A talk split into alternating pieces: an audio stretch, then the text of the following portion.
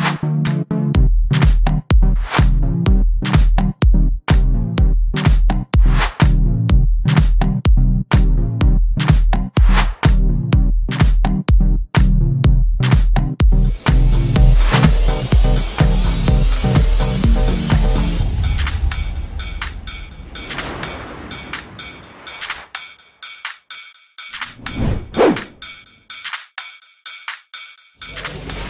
Halo Kang Bonggeng, selamat siang. Oh, siang. Assalamualaikum warahmatullahi wabarakatuh.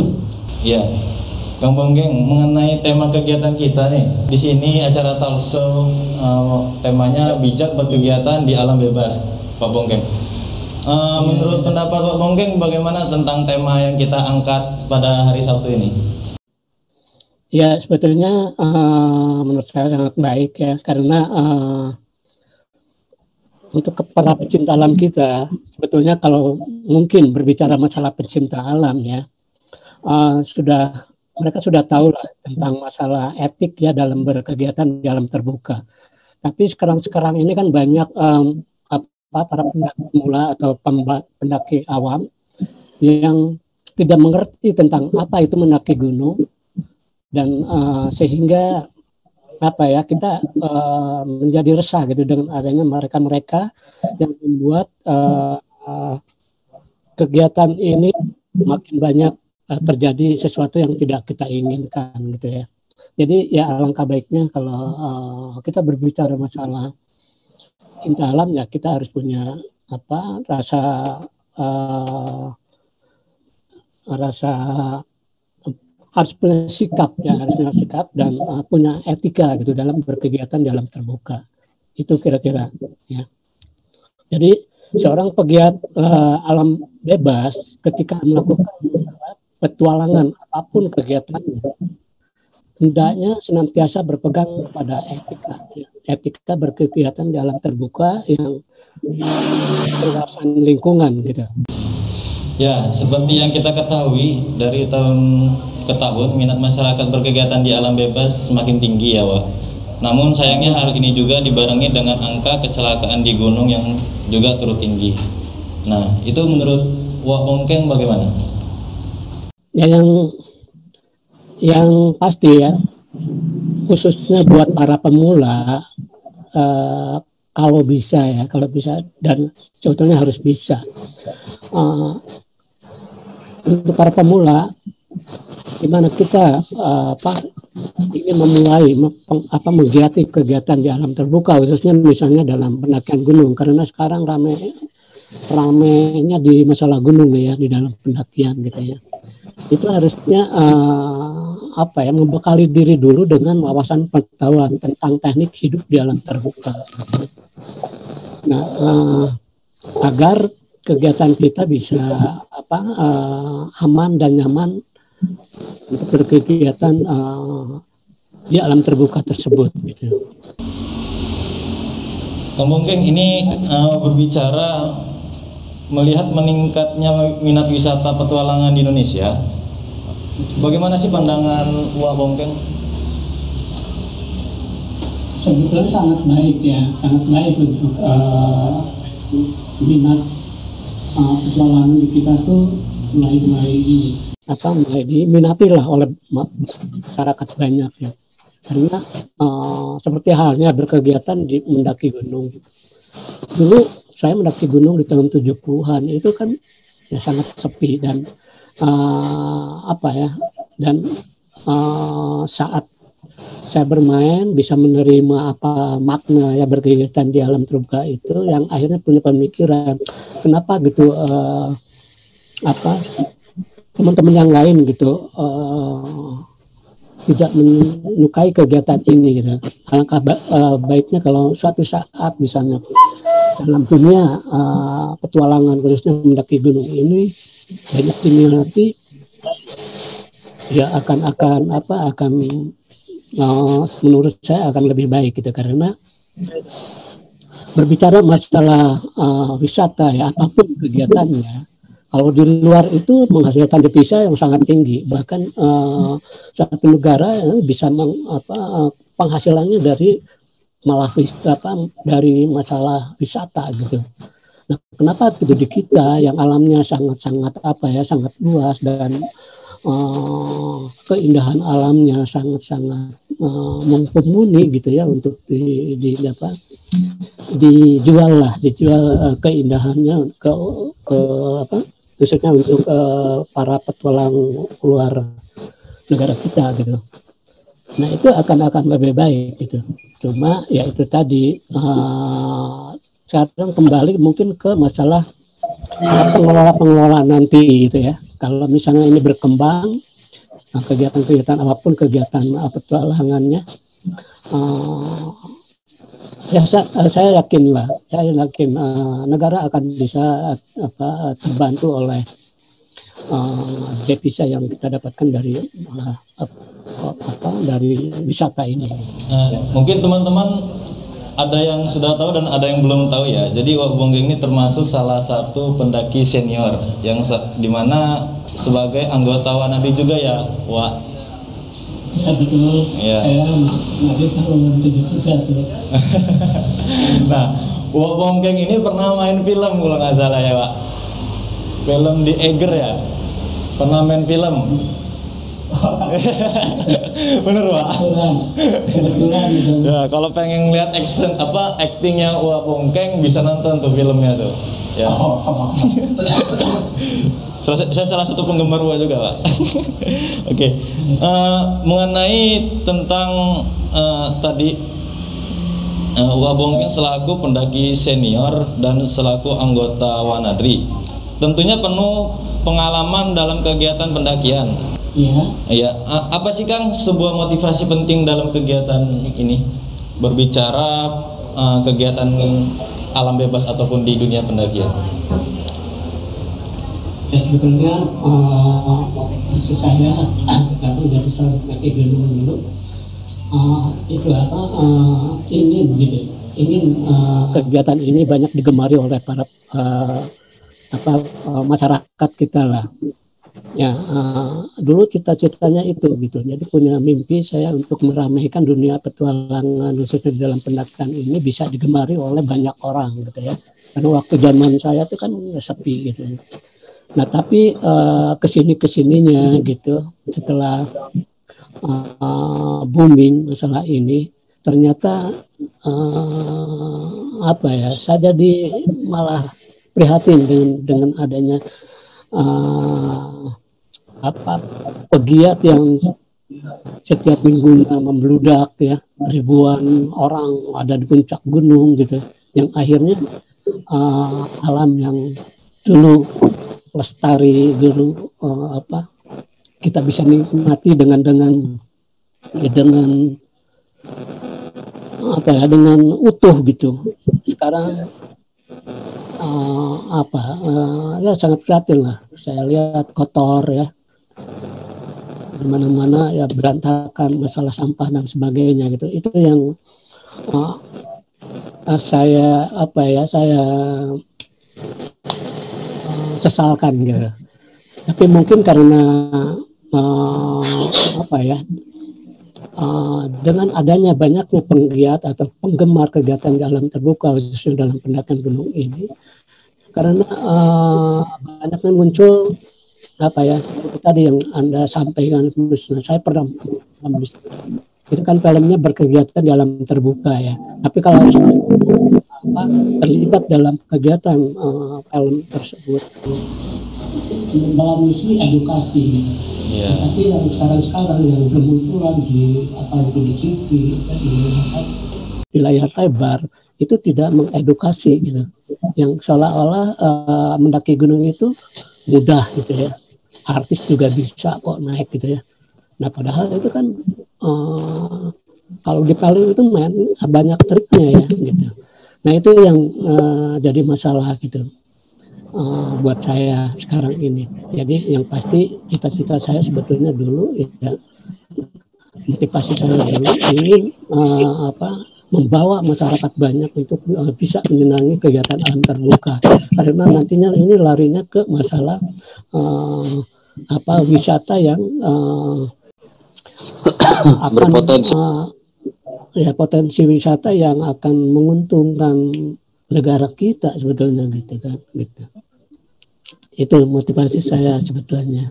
Benar yang dikatakan Pak Bongkeng. Dengan meningkatnya pariwisata di Indonesia tentu akan bertambah juga devisa negara.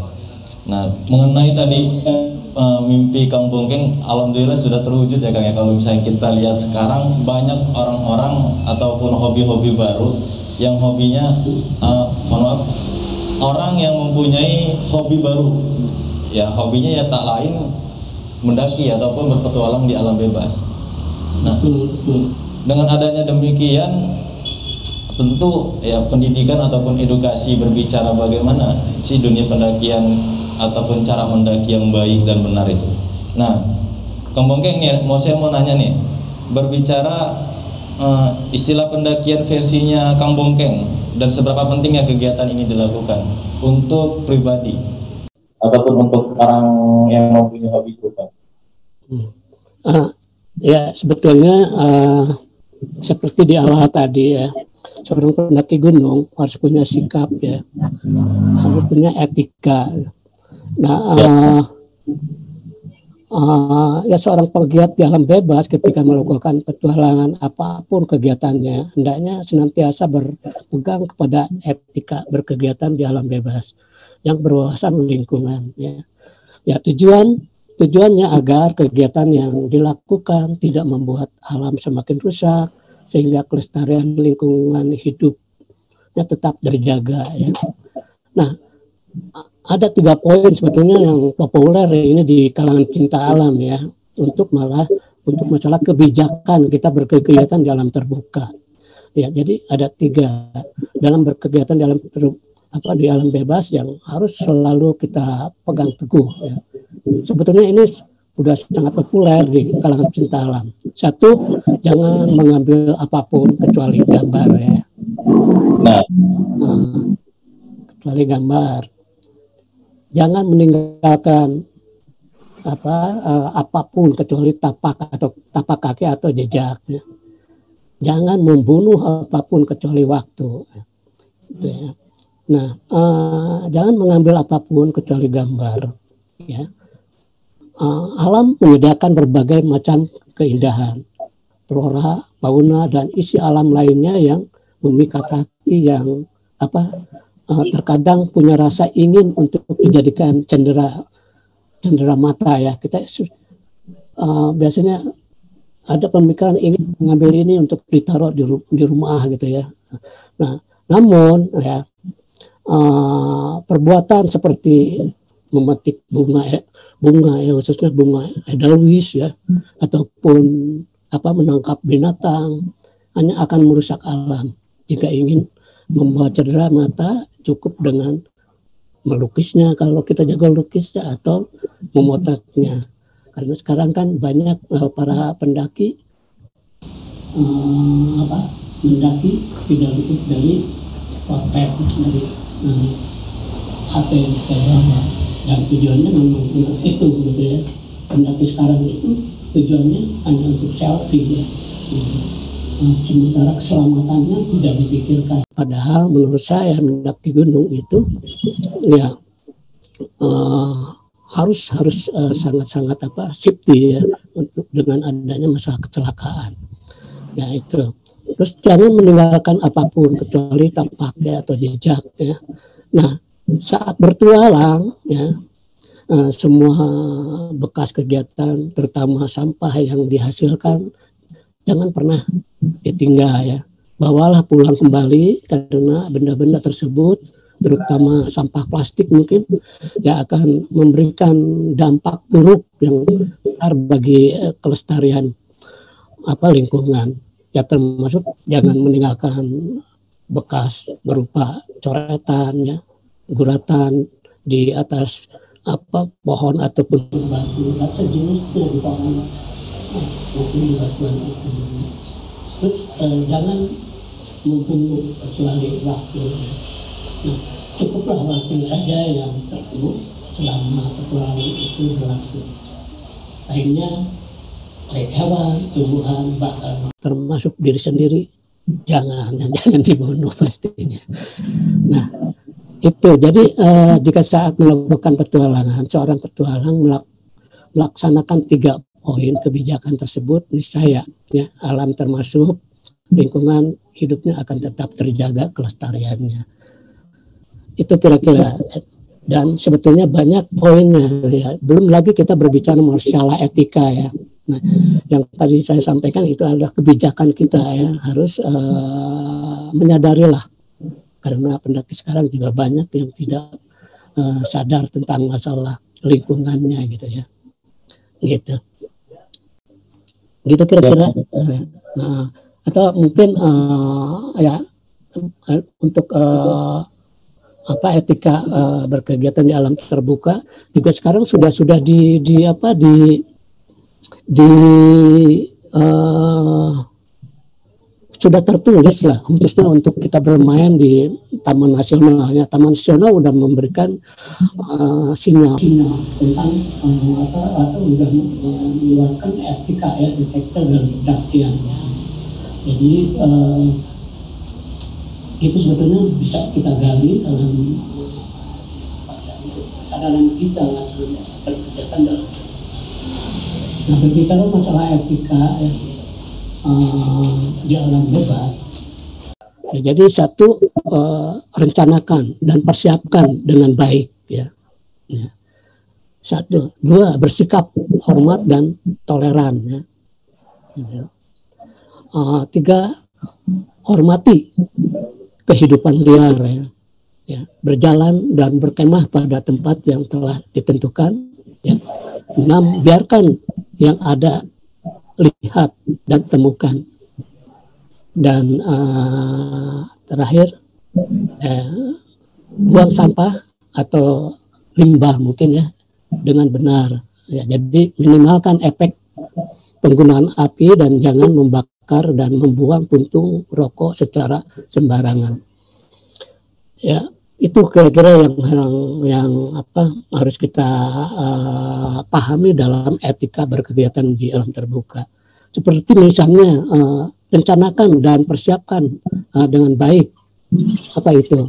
Ya ini segala sesuatu apa yang akan kita lakukan dalam uh, berkegiatan di alam bebas, apa pun kegiatannya haruslah dipersiapkan dan direncanakan dengan baik karena sekarang sekarang ini banyak uh, para pendaki tidak uh, apa uh, melirik atau memikirkan hal itu gitu ya. Jadi uh, pertama pelajari aturan dari kawasan yang akan dikunjungi termasuk mungkin peta apa termasuk peta akses sarana transportasi kondisi geografis rambu-rambu uh, berkunjung yang lebih spesifik juga uh, adat istiadat setempat yang kita harus hormati ya. Terus uh, jadwal jadwalkan ya kunjungan dengan uh, memperhatikan kondisi uh, cuaca dan musim kunjungan. Ini juga banyak diabaikan ya dalam uh, musim badai atau musim hujan kita selalu memakaikan diri untuk pergi mendaki gunung yang akhirnya ya banyak terjadi kecelakaan.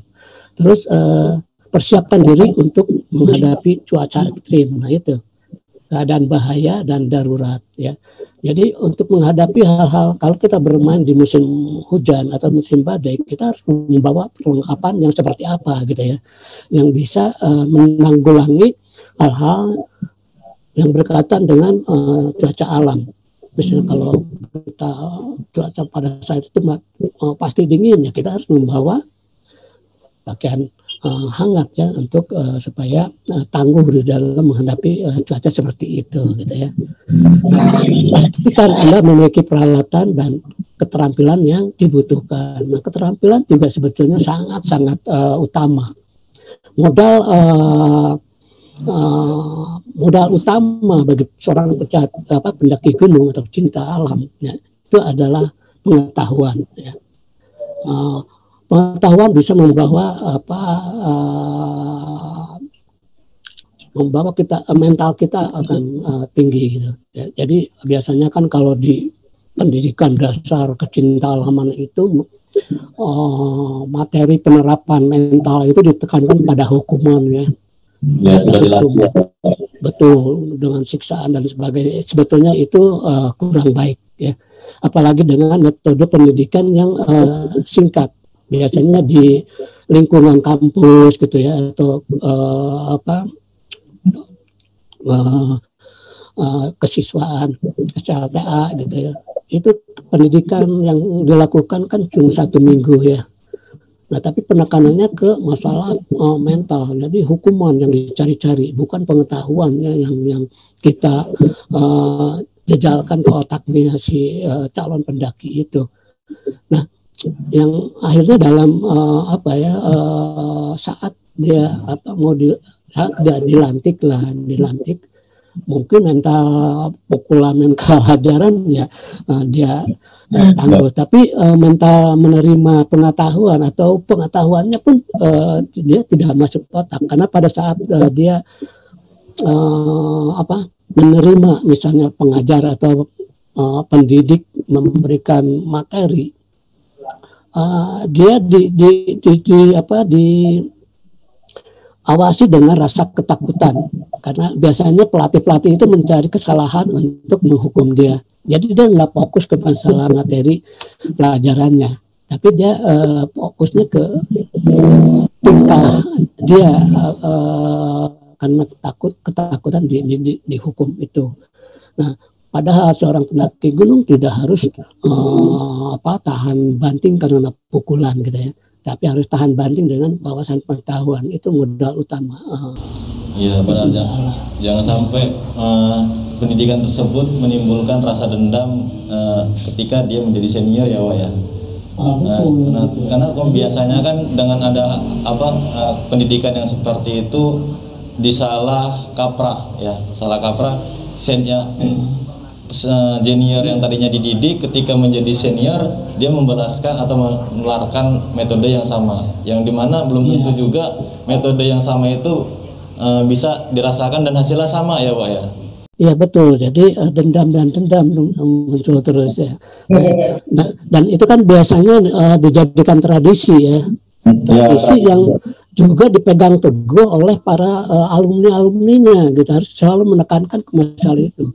Nah seperti halnya di Manadi sebetulnya ya uh, punya tradisi dan tradisi tidak bisa hilang ya. Nah di Manadi dan saya juga uh, tidak setuju kalau misalnya tradisi pencinta alam disamakan ya tapi harus punya masing-masing pencinta alam atau ya harus punya punya tradisi masing-masing tapi uh, kalau bisa ya tradisi yang uh, apa ikuti perkembangan zaman gitu. Jadi jangan yang dulu-dulu dipertahankan, yang akhirnya tidak ada kemajuan ya. Nah dalam pendidikan yang yang sangat baik buat uh, kelompok yang mungkin punya metode uh, pendidikannya singkat, misalnya satu minggu atau sepuluh hari, itu lebih baiknya metodenya metode bimbingan. Ya. Jadi 80 persen uh, masalah pengetahuan yang dibicarakan. Dan dalam kegiatannya kita sharing dengan dengan dengan peserta ya. Dia bimbing yang nggak ngerti bagaimana caranya dia uh, begitu keluar atau pen, uh, apa selesai pendidikan dia udah punya pengetahuan gitu ya.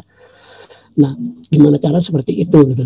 Jangan sampai ya uh, seperti yang sekarang-sekarang saya makin yakin dan saya juga uh, di di tempat kerja saya di Eiger ya uh, khususnya di apa uh, Eiger Adventure Service Team di IS ya. Saya selalu membuat kegiatan uh, apa pendidikan atau sekolah pendaki gunung.